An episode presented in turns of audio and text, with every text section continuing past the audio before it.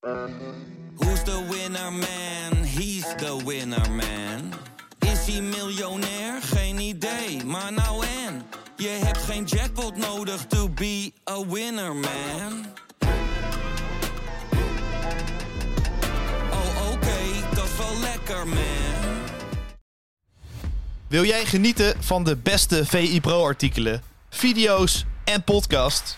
En wil jij nog meer inzichten krijgen rond al het voetbalnieuws? Word dan nu lid van VI Pro. Voor exclusieve podcasts, tactische analyses, interviews met spelers en financiële inzichten. Ga nu naar vi.nl slash zsmpro voor de scherpste aanbieding. Goedemorgen en welkom bij een nieuwe aflevering van VIZSM, de dagelijkse podcast van Voetbal International, waarin we jullie meenemen met het allerlaatste nieuws. Mijn naam is Jarno Verwij en ik zit aan tafel met Pieter Zwart. Pieter, goedemorgen. Goedemorgen. Het is weer maandag en op maandag zitten we altijd samen en dan blikken we terug op het Eredivisie weekend. Heerlijk. we gaan Ajax, PSV en Feyenoord natuurlijk allemaal bespreken. Eh, laten we beginnen bij PSV. Ehm, ja, wil jij het hebben vooral over Dest of over Schouten? Want dat waren wel de spelers die ja, in ieder geval bij mij het meest opvielen. En Guus Til zou je het eigenlijk ook over eh, moeten hebben. Zeker. Want die, die vergeet je snel, maar dat is toch ook weer...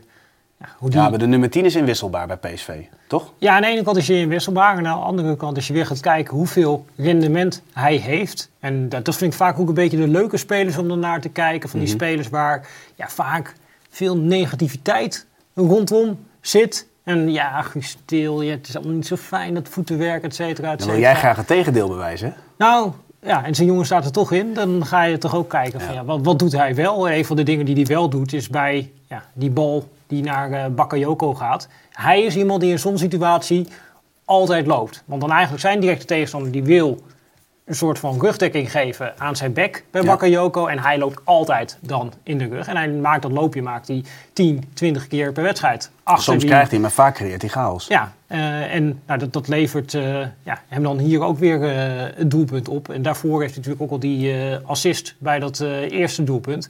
En toch is het inderdaad, hè, je gaat als op tafel zitten en ja, je denkt eerst, oh ja, ja, Dest, geweldige assist. Was een geweldige assist. Die voorassist of eh, voor voorassist van Schouten bij eh, Ja, ja, die ja, eerste goal. Waar hij tussen de linies speelt eh, op Luc de Jong, derde man eronder. Dat is trouwens een combinatie. Die zie ik dit seizoen heel veel bij PSV. Terwijl die vorig seizoen bijvoorbeeld bijna niet zag. Zie je nu heel vaak Luc de Jong aanspelen. Want dat gebeurt ook weer bij die goal waar Des die assist geeft. Dus ook weer balletje inspelen op de Jong, derde man eronder. eh, en doorbewegen. En het is een hele En die derde man is wel variërend, hè? het is niet steeds dezelfde. Nee, precies. Want nu komt inderdaad op een gegeven moment ook Dest eronder als een eh, derde man. Dus er kan iedere keer iemand anders onderkomen. Dat kan eh Til zijn. Je ziet ook vaak Veerman die er eh onder komt Ja. als een derde man. En je ziet vaak dat als je dan ja, derde man, als Luc de Jong dan de tweede man is, dan zie je vaak dat Schouten de eerste man is. Ja. En dat zag je bij die eerste goal goed terug. Dat ja, linie overslaan, bal kaatsen, dan middenvelder vrij met gezicht naar het doel. Ja, het is heel simpel voetbal ABC. Maar ik denk als je naar de Eredivisie kijkt, ja, dan zie je misschien bij eh 14 van de 18 ploegen zie je dat niet of nauwelijks zie je dat terug. Ja, en bij PSV wel elke wedstrijd dan maakt dat ze heel makkelijk voetballen in combinatie met ja, die techniek die het rest gaat ze echt makkelijk af. Want ik heb de uitslagen erbij gepakt. Eh sowieso altijd met meer dan twee doelpunten verschil. Ze scoren uiteraard altijd, want anders win je niet Er is alles. heel veel verschillende doelpunten te maken. Ja, precies. Alle aanvallers, alle middenvelders hebben gescoord. Ze hebben ze nu allemaal gewonnen. Ja. De vraag is, het record van Guus nog vijf wedstrijden, gaan ze dat halen? Ja, ik denk niet dat ze dat gaan halen. Omdat ze gaan natuurlijk nu een wat moeilijker eh, schema in. Met eh, Twente, wat daar bijvoorbeeld eh, in zit. Ze hebben Ja. voor de winterstop hebben ze, de laatste wedstrijd voor de winterstop hebben ze ook nog AZ hebben ze ertussen zitten. Je hebt natuurlijk nog die topper tegen Feyenoord. Dus dat ze die allemaal winnen, dat lijkt me sterk. Alleen als je ziet met hoeveel gemak ze van al die kleintjes winnen. En dat is toch, zijn ook toch wedstrijden waar Feyenoord punten heeft laten liggen. En Ja. het is een beetje natuurlijk een cliché van kampioen word je tegen de kleintjes. Maar dat is toch vaak wel zo. Want je ziet vaak in een seizoen ja, dat die puntenaantallen in toppers dat het dicht bij elkaar ligt. Dat was laatst in eh, Engeland, hebben ze het ook weer helemaal uitgezocht van hoe vaak is dat nou eigenlijk. Hè? Want dat wordt natuurlijk vaak enorm opgepijpt, gaan wij ongetwijfeld ook weer doen. Dan komt die PSV Feyenoord eraan. Dit is een wedstrijd die gaat over de titel beslissen. Maar hoe vaak is dat nou daadwerkelijk Wat, echt wat beslissend? natuurlijk ook zo is, want zouden ze winnen, dan wordt het gat wel heel groot. Precies, dan is het gat ook. op een gegeven Ja. moment eh, onoverbrugbaar. Maar je ziet vaak dat dat, ja, dat puntenaantal daartussen... dat het niet helemaal bepalend is zeg maar, voor wie eh, de kampioen wordt, Ja. eh, de uitslagen in die wedstrijden. Dus dat het inderdaad ook heel erg gaat om die andere wedstrijden die je speelt. En daarin zie je dat PSV tot nu toe ja, geen enkele fout maakt. Eh, en ook nog ja, met heel veel overtuiging. Dus het is ook niet dat, Ja, precies dat je dat denkt het is eh, hakken over de sloot. Nee, het is, ja, je gaat ervoor zitten voor Pek Zwolle. Het is eh, ja, voor je gevoel nog ochtend. Het is dan net al middag. maar, voor en jou, die eerste bal valt binnen en je weet, nou, punten maar, zijn maar, in de maar precies dat, dat punt, Pieter. Even, ik, ik weet niet hoe jij daarnaar kijkt. Ik heb televisie ook aan. Op een gegeven moment, oké, hij valt. Denk ik, oké, ja, wedstrijd klaar. Ja, Klaar, ik ga andere dingen doen. Ik kijk op de achtergrond een beetje mee. Weet je, dus, dus er zit geen spanning meer in. Dat heb je bij de wedstrijd tussen Feyenoord en AZ, was dat weer totaal anders. dat klopt. En dat, dat stukje van En ja, Feyenoord heeft natuurlijk, dat was natuurlijk recent ook weer tegen RKC. mooi bruggetje naar Feyenoord weer. Hè? Ja, tegen RKC dat het ook wat moeilijker was. Eh, en wat ik zei, ja, die hebben natuurlijk in het begin van het seizoen wat punten laten liggen in dat soort wedstrijden. Ze hebben er ook een paar wel met veel overtuiging gewonnen. Ja. Maar je ziet bij Feyenoord dat dat in, tegen die kleintjes soms nog wel dichter bij elkaar eh, kan zitten. En dan eh, hoor ik Arne Slot in mijn hoofd alweer zeggen van eh, aan de zijkanten domineren in de 1 tegen 1. En ik denk dat dat gewoon ook een heel belangrijk verschil is op dit moment tussen ja, Feyenoord en PSV. Dat je bij PSV ziet, Lozano, die domineert echt die 1 tegen 1 met zijn bek. Als ze die, dat zag je natuurlijk ook weer bij dat eh, eerste doelpunt terug, die wordt in die situatie gebracht. Die bek, die knijpt eigenlijk iets te ver daar naar binnen. En pam, het is meteen een doelpunt. Bakayoko komt daar bij die 2-0, komt die in de 1 tegen 1. Die lokt twee man naar zich toe, bam, die steekt eh Guus Til weg. En ja, dat zie je bij Feyenoord aan die zijkanten tot nu toe ja, toch wat minder. Ze hebben natuurlijk een beetje pech met die Vanecek die ja, uit zo'n blessure komt. Die begon goed, blessure. En die moeten nu eigenlijk weer inrollen. Partiaal vond ik ook hoopgevend begin aan het seizoen. Heb ik ook het gevoel van dat het iets terug aan het vallen is. Ja, Ali Reza Jahanbaks, ja, die heeft wel rendement. Maar dat echt domineren in de 1 tegen 1, dat zit natuurlijk zijn, nee. niet in zijn spel. En dan heb je natuurlijk nog jonge spelers zoals eh Sauer erachter. Maar ja, kun je daarvan verwachten. En Jan Kuba Minte gaat het heel weinig over. Maar ik heb het wel het idee dat Feyenoord hem in deze fase enorm gemist heeft. Eh, een tijdje terug ook een stuk geschreven op VPRO. eh Feyenoord scoort dankzij de Minte-factor. En dat ging eigenlijk over dat in alle seizoenen onder slot eh, van Feyenoord hebben ze de meest succesvolle dribbles gehad. Mhm. En ja, dit jaar was dat eh, meer dan ooit. Er stond ook een tijdje dat ze eh, ook in de Europese topcompetitie zich echt konden meten met de beste teams. Dat was in belangrijke mate ja, te danken aan Minte, die dus wel die 1 tegen 1 aan de zijkant domineert. Dus ik denk dat dat, ja, zeker ook richting, nou, waar we het net over hadden, die topper tegen PSV, die al dan niet belangrijk is. Ja. Ja, dat dan het- de terugkeer van Minte, dat dat best wel een bepalende factor kan zijn voor ja, hoe Feyenoord daar Ja. voor de dag Maar Feyenoord was je. Martijn Krabbedam gaf het ook al aan in de liveshow van vrijdag. Dat, dat die Feyenoord misschien wel een beter team is, maar dat PSV, de wapens aan de zijkant zijn wel ja, zulke enorme wapens dat die echt doorslaggevend zijn op dit moment. Dat klopt, dat klopt. En ja, dat, dat zie je nu gewoon eh, terug. Maar zelfs ook ja, de spits. Kijk, Jiménez is een hele goede spits in de zin van doelpunten maken en loopacties om de bal. En al Ja. die kwaliteiten die he- heeft hij. Alleen als je kijkt wat hij doet in het meevoetballen, nou, dus dit seizoen al iets beter dan vorig seizoen. Ja. Maar dat is best wel heel erg beperkt. Eh, ik zal nog een keer de statistiek aanhalen. Dat vorig seizoen hij ja, de minste balcontacten had van alle spitsen in de hele Eredivisie, nog minder dan Michiel Kramer. Eh, waarvan iedereen dan zegt, ja, die kan niet goed meevoetballen. Maar bij Jiménez Ja, maar Haaland heeft ook weinig balcontact. ja, hè? Precies. hoeft niks dus te het, zeggen. het hoeft niet eh, slecht te zijn. Alleen, ja, het betekent wel dat in bepaalde wedstrijden... eh, dat zijn toegevoegde waarde, als Feyenoord moeite heeft om in die 16 te komen... zoals dat ook tegen AZ het eh, geval was... Ja, dat dan de toegevoegde waarde van Jiménez op een gegeven moment ook minder wordt... als het meer tactische Maar waar- zit dat nu dan in, Pieter? Want wij hebben aan het begin van het seizoen hebben wij een analyse gemaakt, de tactiek op vrijdag. En dan ging het over de rol van Jiménez, Mhm. die net als eh Welbeck bij, ehm, bij Brighton, laat maar zeggen, echt uitzakt als een, als een extra nummer 10. Dat deed hij toen heel veel. Ja. Dat doet hij nou iets minder. Waar zit dat in? Ja, lastig te zeggen of dat dan precies eh, opdracht is eh, vanuit eh, slot. Of dat het vanuit hemzelf komt. Heeft natuurlijk ook een beetje te maken met de rest van het middenveld. Dus je zag dat Feyenoord een beetje begon met Timber naast Wiever. Ja. en dat Timber steeds meer eigenlijk ging opschuiven. Nou, dat is ook een beetje de reden dat slot voor dat middenveld kiest. Omdat je met Wiever, Timber en Stenks... dat je drie spelers hebt die eigenlijk allemaal op die drie posities kunnen spelen. En dat je dan dat er automatisch wat kan gaan bewegen afhankelijk van hoe een tegenstander reageert op situaties. Zonder dat daar vanuit eh, de bank heel veel coaching bij moet komen. Maar dat ze zelf op zoek gaan naar die ruimtes. Maar als Timber dus wat hoger gaat staan. En, dat stond hij gisteren ook. Ja, dan stond hij gisteren, eh, zeker vanaf een kwartier, is- ging hij wat hoger eh, Ja. staan. Ja, dan ja, bindt hij daar Mijnans. Maar dan is er ook niet meer die ruimte voor Jiménez om daar eh, uit te zakken. Dus dan blijft hij ook automatisch ja, wat verder weg eh, uit de spits. Dus ik denk dat het dat soort ja, details dat het erin zit. En je hebt natuurlijk ook een paar wedstrijden gezien. eh, dat bijvoorbeeld uh, Ivanusek tegen RKC, dat die heel veel aan de binnenkant speelde. En dan is ook eigenlijk die ruimte voor ja. Jiménez weg. Dus dat hangt ook weer samen met wie staan er aan de zijkant. Want bijvoorbeeld sommige andere wedstrijden speelde weer Stenks daar. Ja, als Stenks op rechts speelt, gaat hij ook op een gegeven moment aan de binnenkant spelen. En dan is die ruimte er ook niet voor Jiménez. Je zag zelfs tegen Lazio een paar keer dat hij dan helemaal naar rechts buitenkant aan het uitzakken was Jiménez. Uh, omdat dan Stenks aan de rechtsbinnenkant uh, staat, als mensen dit nog kunnen volgen. Maar ja, dit, de ruimte die hij heeft om uit te zakken, dat hangt ook weer samen met ja, wie staan er voor hem. Maar eigenlijk is als Saruki speelt, dan is de kans dat, er, dat hij uit kan zakken en de ruimte kan pakken groter dan als Saruki niet speelt. Omdat dat, dat de meest positievaste speler is. Dat klopt. Uh, en tegelijkertijd is het natuurlijk zo, als je bij Feyenoord Feyenoord perspectief trainers bekijkt, dat ja, je hebt misschien liever Stenks of Timber in die zone, dan dat je Jiménez in die zone heeft. Omdat ja, uh, Timber en Stenks in die zone heel erg balvast zijn en de ja. oplossingen zien. En dat dat bij Jiménez misschien ja, niet altijd het geval is. En dat je Jiménez misschien liever ja, in de spits hebt om daar, als die bal daar komt, die bal erin te schieten. En dat is natuurlijk waar hij ja, uitzonderlijk goed in is. Daarom uh, ligt hij uh, op koers om uh, heel veel doelpunten te maken in de Eredivisie. Ik ben er ook van overtuigd dat hij nog steeds heel veel doelpunten gaat maken. Maar ja, in dit soort wedstrijden, als het wat meer tactisch zoeken is naar openingen. Ja, dat zijn niet ja. de wedstrijden waar uh, de spits Jiménez bij uh, gebaat is. Ja, tot slot, uh, bij Feyenoord even Timmer nog bespreken. In de diverse praatprogramma's, analyse en afloop ging het erover dat hij indruk maakt dat hij misschien wel een kans zou moeten krijgen in Oranje. dat, dat wordt natuurlijk snel gezegd op het moment dat iemand goed speelt.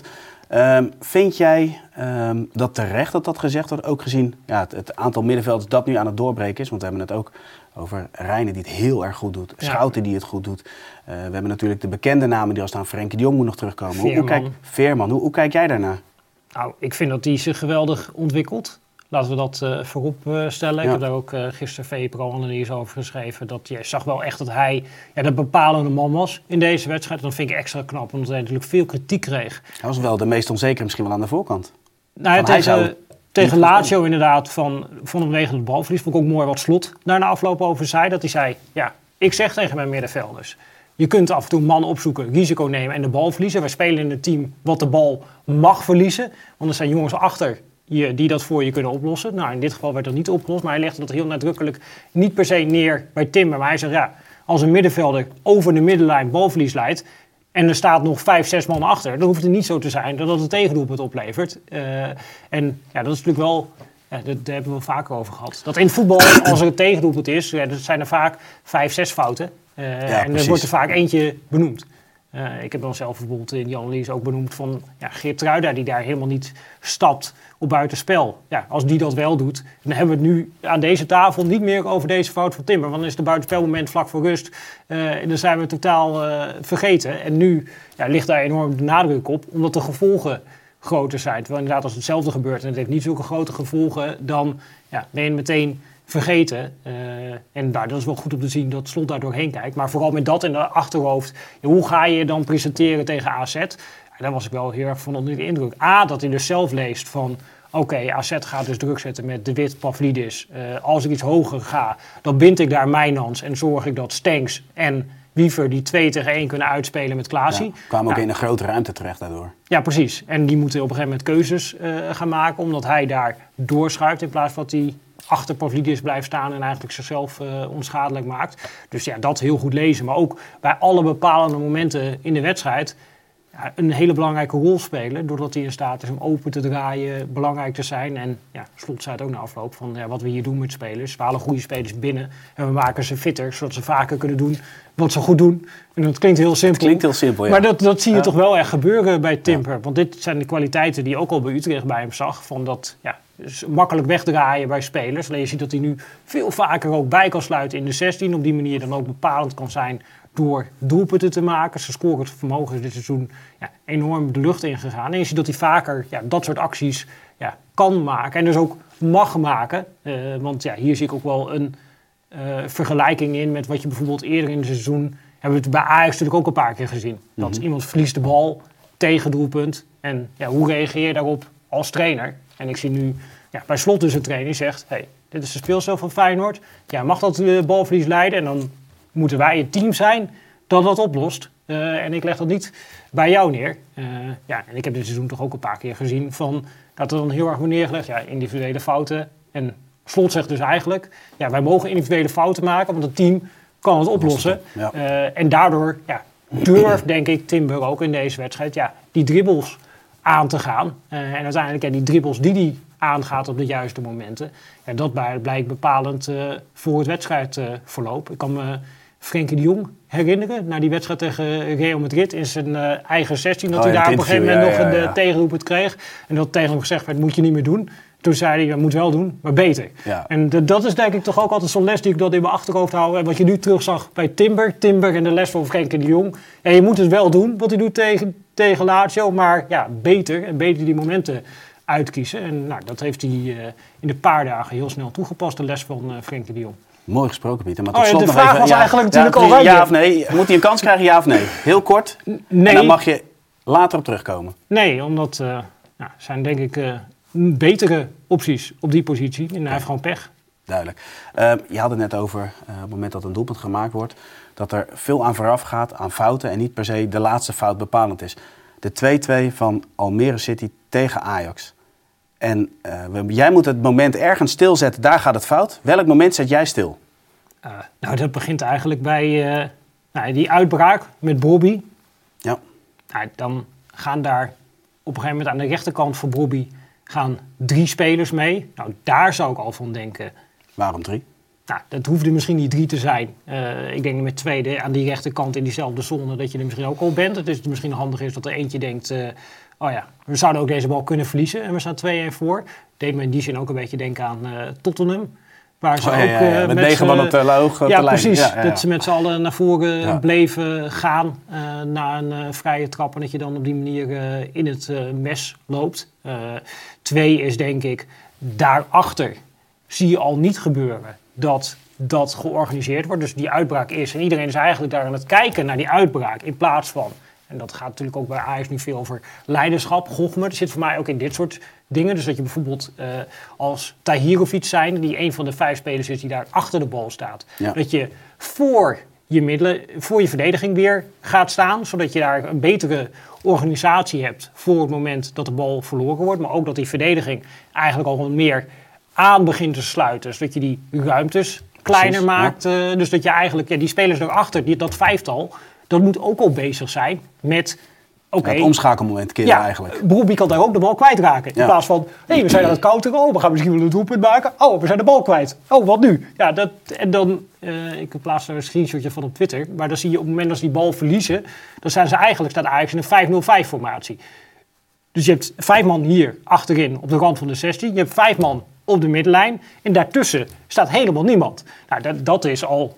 Dan ben je nog niet eens begonnen zeg maar, met omschakelen. Maar dan heb je het al over de organisatie bij balverlies. Ik hoorde het eh, Peter Bos zeggen na die. Er ging natuurlijk veel over dat moment eh, in de Champions League. Waar Lozano niet afgeeft op Bakayoko. En toen werd hem gevraagd: van, ja, hoe kijk jij ernaar? Hij zegt: ja, daar ben ik nog niet mee bezig. Ik ben eigenlijk alleen maar bezig. Op het moment dat die uitbraak bezig is, kan ik spelers aancoachen zodat eh, de organisatie daarachter beter is. Eigenlijk een soortgelijk moment. Je kunt die wedstrijd beslissen, maar het gaat om ja, hoe is dan die organisatie? Nou, die organisatie, eh ja, Het is dramatisch. dat er geen middenveld staat, toch? Ja, precies. Dat, is ja, eh, dramatisch. En dan ga je er ook nog kijken van die Bobby. Ja, die maakt natuurlijk een verkeerde keuze. eh, daar raakt die bal Ja, maar daarvan zegt Slot, kwijt. eh, hij moet die keuze maken. Dat Nou moet ja, de rest en van het het team is voor, oplossen. nou ja, precies. Het is voor de middenlijn, dus dat zou inderdaad opgelost moeten Ja. worden door het team. Maar als ik dan kijk naar het omschakelgedrag, wat Ajax-spelers daar vertonen. Mensen moeten thuis maar even terug gaan kijken, die samenvatting. Kijk naar die vier spelers die meelopen met Bobby. Kijk wat ze doen.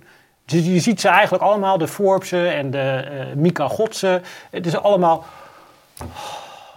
Ja, ja, nu zijn we de bal kwijt. Ja, En waar ja, zijn de ja. middenvelders op dat moment? Nou ja, Taylor die gaat ook mee. eh, en die, nou ja, die schakelt in eerste instantie nog een soort van om. Die heeft een halve onderschepping daar. Maar die loopt daarna ook niet echt terug. Maakt daar ook geen overtreding. Dus dat ook een raar omschakelgedrag uh, van hem. En het, uh, Akpom, die stond natuurlijk officieel denk ik ook uh, op het middenveld. Die was ook een van die spelers die mee naar voren was aan de rechterkant. ja, en die, daarvan neem je dan misschien nog het minst kwalijk. omdat hij ja, denkt als een spits. Maar, Stond ook het meest aan de buitenkant, toch, op dat moment? Denk ik, ja. ja. ja hij was in ieder geval een van die spelers rechts van uh, ja. Ja. Uh, nou, en dan heb je Taylor, ja, dat moment al, dat het halfslachtig is. Daarna gaat hij er ook niet vol achteraan. En dan heb je, kom je op een gegeven moment hier richting uh, de 16. En Taylor staat dan weer bij een mannetje van Almere City, Stij Racing. Die ik grote complimenten wil geven. Onderschatte voetballer, maar daar zie ik echt een uh, speler in met uh, potentie. Vond ik ook een dijk van de wedstrijd spelen. En die deed eigenlijk een gusteeltje hier. Dus ja, uh, 90 minuut en die duikt nog een keer die 16 in. En daar zie ik ook iets gebeuren. Dan Taylor, die besluit op dat moment hem maar over te geven aan Tahirovic. Terwijl ze daar niet echt bepaald in... Het is eigenlijk 5 tegen 5 daar in die 16. Staan ja. er niet in overtal te verdedigen. Maar die besluit, oh ja, laat ik maar even lopen uh, op dat moment. Ja, vind ik ook al uh, vreemdsoortig. En dan komt die bal op een gegeven moment... Ja, Racing die komt daardoor. En dan moet Tahirovic uh, dat in één keer overpakken. Uh, die, ja, en dan ben je natuurlijk eigenlijk al een beetje half te laat. Omdat het was niet jouw man. Je moet in één keer die man overnemen. En je komt iets te laat. En dan is je eigenlijk te gretig. Zet een sliding in. Ja, moet je daar natuurlijk helemaal niet doen. En dat is al de laatste fout. Maar, ja. maar het is echt, als je, als je zo kijkt, het is gewoon echt een aaneenschuiving van fout. Ik denk dat je, als ik jou zo hoor, ik heb even meegeleid, dat je sowieso acht fouten hoort. Ja, nou ja, precies. In een tijdsbestek van? Ja, dat is uh, nog een halve minuut, denk ik. Waar je, minder? Uh, oh, ja, minder dan een halve minuut. En ja, dat, dat is natuurlijk een ja, structureel probleem. Wat je terug ziet bij Ajax, dat is op het veld dat ook niemand is die dat dan ja, corrigeert of wat dan ook. En eigenlijk daarvoor bij die corner ja, zie ik ook al de meest ongelofelijke dingen gebeuren. Dus, dus ja, dat is, ja, dan gaat het daar weer bijvoorbeeld veel over Rens, die halfslachtig een duel aangaat, uh, wat natuurlijk ook absoluut niet goed is, uh, op de rand van de 16. Ja. Maar die speler die hem uiteindelijk maakt, degene die daar dichtst in de buurt staat aanvankelijk, is Carlos Forbes. En in die shots is het niet goed te zien. Uh, alleen Carlos Forbes is een hele snelle speler. en hij zit dicht in de buurt bij die back. Nou, ja. Dus dan valt hij even uit het shot. En ja. daarna zit er een gigantisch gat tussen. En Forbes loopt daar je hebt daar eigenlijk Bergwijn achterin. Daar is Guy is achterin. Uh, en Forbes was eigenlijk de derde verdediger die erbij kwam mm -hmm. uh, in die omschakeling. En als je dat shot verder bent, dan heeft Hato heeft Forbes ingehaald. Dus ergens tussendoor ja, is Forbes daar gestopt. Forbes kan je niet inhalen. Nee, maar die is dus gestopt met lopen waarschijnlijk. Dat is niet te zien in die beelden. Ja. Uh, maar die moet ergens gestopt zijn met lopen. Dat is dan ook al iets waarvan je dan... Ja, ze zitten daar ondertal 3 tegen 2 te verdedigen bij een counter. En die denkt, nou, ik stop met lopen. Maar ook als je het moment stilzet, vlak voordat die paas gegeven wordt. Want ik dacht, het is heel knap dat die Lens Duivenstein daar het overzicht houdt uh, en die bal geeft. Ja, zeker wel. Maar hij werd ook geholpen. Je moet dat beelden stilzetten, daar staat de captain van de Ajax. Dus het is een omschakelmoment. Bergwijn is daarbij. Ja. Uh, die, laat, uh, nou ja, die stopt op een gegeven moment half met lopen. Die staat stil en die wijst. Je moet echt kijken, dat moment. Hij staat daar, stil en hij dus wijst. eigenlijk is die assist van Bergwijn. Ja, half, ja heel, heel raar zo van, ja, loop daar. Maar er was niemand in de buurt. Dus niemand kon daar ook eigenlijk naartoe. Ik heb het moment niet zo op beeld, want ik vond het echt een knappe paas ook. Maar nu het zo zegt, als hij dan gestuurd wordt door Bergwijn, ja, oké. Okay. Ja, ja. ja, ja die, die, bedoelde daarbij natuurlijk een ploeggenoot van, ja, uh, hij staat vrij. Alleen, ja, dat is wel een beetje laat. En dit, dat lijkt me inderdaad ook wel lekker voor een Almere speler. Dat je dan een ploeggenoot hebt die zegt, ja, die, een tegenstander hebt die zegt, hé, hey, kijk, die, die staat ja, vrij. Hij maakt trouwens wel mooi af. En dan maakt hij fantastisch af. Ja. Uh, en leuke jongen ook daarna voor uh, de camera. Maar ja, dat soort dingen. Uh, als je het allemaal op een rijtje zet en je gaat die beelden bekijken. ja, je weet bijna niet waar je dan moet gaan beginnen. En ja, ander ding wat me ook wel echt opviel. Kijk, Alex Pastoor die verdient volledige credits hiervoor. Die heeft gewoon echt een ja, wedstrijdplan neergezet. Bijna gaf hij aan. Ja. Hij wist niet wat hij met zijn emoties aan moest. Nee, vanuit 5-3-2, wat ik gewoon ja, heel goed vond uh, werken. Maar dan, ja, dat is bijna een ja, klassiek tactisch verhaal. Dat als je tegen zo'n team speelt, wat op die manier uh, druk wil zetten, dan heb je eigenlijk uh, de twee spitsen, die gaan op de twee centrale verdedigers. Ja. en dan is het aan jou als Ajax, ja, hoe ga je daarmee om? Nou, wat Almere City het liefste heeft, is dat jij al die ballen van je centrale verdediger naar de back gaat spelen. En dat zij met een vleugelverdediger Ja, door de kunnen stappen op staat, jouw back. Alleen als de back hoog staat vinden ze dat prettig. Als ze laag staan, dan is dat weer anders natuurlijk. Nee, ja, ook als die back laag. Want nu, ja, kijk, die back stond ja relatief laag vaak eh, bij Ajax, maar dat vinden ze prima. Ik omdat van, daarachter. eh, ik daar- vond de afstand van de back van Almere ten opzichte van Ajax, die vond ik niet zo groot. Nee, was niet heel groot inderdaad. Ook omdat ze dan inderdaad niet helemaal naar achter eh, gaan. Alleen Ja. als dan bijvoorbeeld eh Sosa naar achter gaat, dan heb je daarvoor iemand nodig die diepgang geeft. Zodat die back die doorstapt, denkt, oh shit, Ja. ik ga nu door. eh, maar in mijn rug staat laat er iemand vrij achter. die, Ja. eh, waar je hem gewoon in één keer eh, op kan steken. Maar wat Ajax deed, die speelde daar met Miko Tatsen en met Bergwijn. Ja, die stond alleen maar aan de binnenkant in de bal te spelen. Dus die gaan in de zone staan eigenlijk van die rechter en linker centrale verdediger van Almere. Die gewoon dat kunnen oppakken en daar duels kunnen spelen Sterker op nog, die lijn kan speler. zelfs dichtgezet worden. Ja, en die lijn kan ook nog dichtgezet worden. eh, waardoor die bal überhaupt niet Nee. gegeven kan worden. Ja, dat, dat is wel een beetje ja, de basics, ABC. Of dat je inderdaad dus ook ja, met vier gaat opbouwen tegen die twee spitsen. En dat zag je ook in de tweede helft. Dan gaat Ajax met drie opbouwen. Wat ze eigenlijk de afgelopen weken veel gedaan hebben. En Ja. dan zie je al meteen dat het heel veel lastiger wordt voor Almere om dan druk te krijgen op de opbouw eh, van de Ajax. Wat in de eerste helft gewoon heel makkelijk was. Want Ajax ja, eigenlijk precies deed, een helft lang, wat je niet moet doen tegen een team dat druk wil zetten vanuit 3-5-2. Dus ja, eh, die backs continu aanspelen en dan geen opties geven eh, in de diepte. Waardoor ja, eigenlijk niemand voor keuzes wordt gesteld. Ja, als dat soort basale dingen eh, nog fout gaan bij Ajax, dan is dat best wel een ja, eh, eind nog weg van waar je zou mogen verwachten dat Ajax, denk ik, staat. Als je dat langs de maatstaf eh, PSV en Feyenoord eh, legt, waar we het eerder over gehad hebben. Ja, ja, ja. Ja, daar is het incidenteel dat sowieso een keertje fout gaat eh, bij Timber, omschakeling. Maar ja, dat was het enige schot op doel tegen in die wedstrijd in Rome. Ja, bij Ajax gebeurt dit toch nog wel ja, te vaak binnen wedstrijden. En ja, da- daar moet nog wel heel veel gebeuren. Dat is nu denk ik wel duidelijk geworden. Duidelijk. Eh, we gaan de Eredivisie laten, want we hebben vanmiddag ook nog het rondje Eredivisie op VI Pro. En op het moment dat ik jou nog meer vragen stel, dan is eigenlijk al het gras voor de voeten van Lent Godek, Ja. onze Ajax-volger, eh, weg. Eh, tot slot, jij zit straks om half twaalf in V Uncensored. Daar ga Ja, je natuurlijk het buitenlandse voetbal ga je daar even duiden. Ehm, we gaan heel kort. Jouw moment uit Chelsea-Manchester City is... Ja, die eh, 4-4. Jongen van de club, van de club Manchester City, hele opleiding doorlopen. Op het laatste moment in één keer verrassende transfer gemaakt naar Chelsea. Ja, het is extra Mhm. tijd en die bal gaat op de stip. Je staat tegenover een keeper. Ja, daar heb je waarschijnlijk eh, op de training 100 penalties tegengenomen. En dan wel redelijk overtuigend binnenschieten. En dan zo ijskoud die bal binnenjanken. Ja, daar heb ik wel echt, eh, echt van genoten. Ja, wat een gozertje, joh. Mooi, hè? Ja, er was op een gegeven moment ook nog zo'n fragmentje. eh dan was er werd bij eh, Manchester City werd een beetje overlegd. Waarschijnlijk tactisch. Dus halen altijd Bernardo Silva. En dan ging hij in één keer er zo sneaky bij staan. En dat was ook wel zo'n grappig moment dat die spelers hem zo wegstuurden. Jongen, je speelt niet meer bij ons. luister maar even niet mee. Maar Beetje een bluffertje. ja, een bluffetje. Daar ja, heb ik 100% van genoten. Ja, fantastisch linkerbeen. Hou dit vast voor de live show van vanmiddag. Jongens, dit was de VZSM van maandag 13 november. Vanmiddag eh, rondje Eredivisie op VI Pro en einde ochtend half 12 op YouTube. VI Uncensored met Pieter Zwart en Matthijs Vechter.